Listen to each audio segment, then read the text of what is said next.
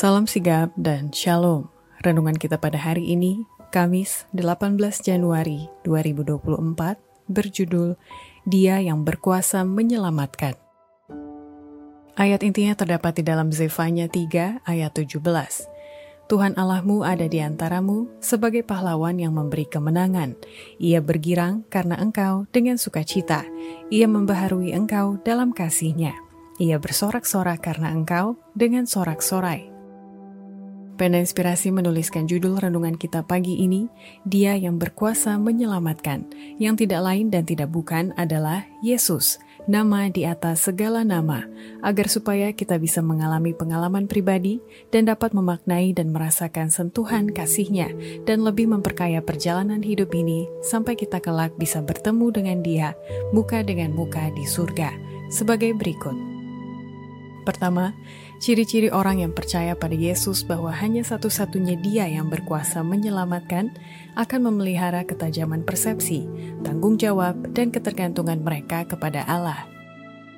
Mereka yang melalui pengalaman pertobatan yang benar akan menyadari dengan ketajaman persepsi tanggung jawab mereka kepada Allah untuk mengusahakan keselamatan mereka sendiri dengan rasa takut dan gemetar. Tanggung jawab mereka untuk membuat kesembuhan mereka dari kusta dosa sempurna adanya. Pengalaman seperti itu akan menuntun mereka untuk bergantung kepada Allah dengan rendah hati dan jujur.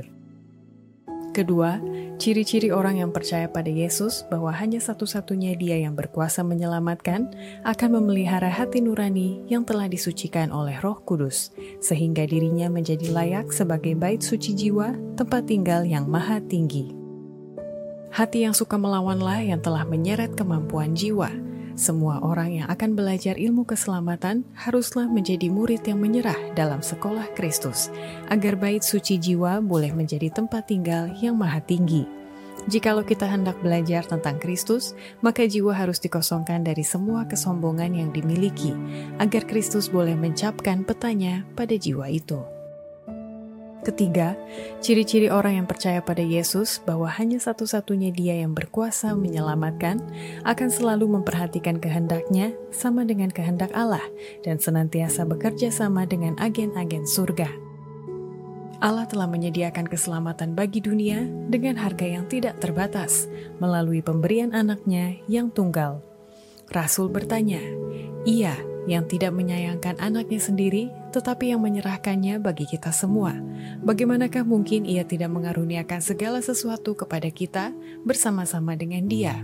Roma 8 ayat 32 Kemudian, jika kita tidak selamat, maka kesalahan bukan pada pihak Allah, tetapi pada pihak kita, bahwa kita telah gagal bekerja sama dengan agen-agen ilahi. Kehendak kita tidak sama dengan kehendak Allah. Keempat, Ciri-ciri orang yang percaya pada Yesus bahwa hanya satu-satunya Dia yang berkuasa menyelamatkan akan mengendalikan selera dan nafsu supaya pikiran dan tubuh terpelihara kesuciannya untuk menerima pengampunan dan keselamatan. Melalui penggunaan tak wajar, selera dan hawa nafsu, manusia telah kehilangan kuasa Allah dan menjadi alat kejahatan.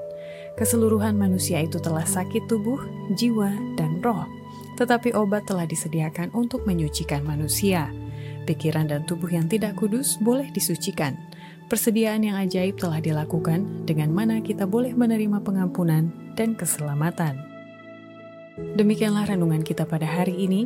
Kiranya Tuhan memberkati kita semua.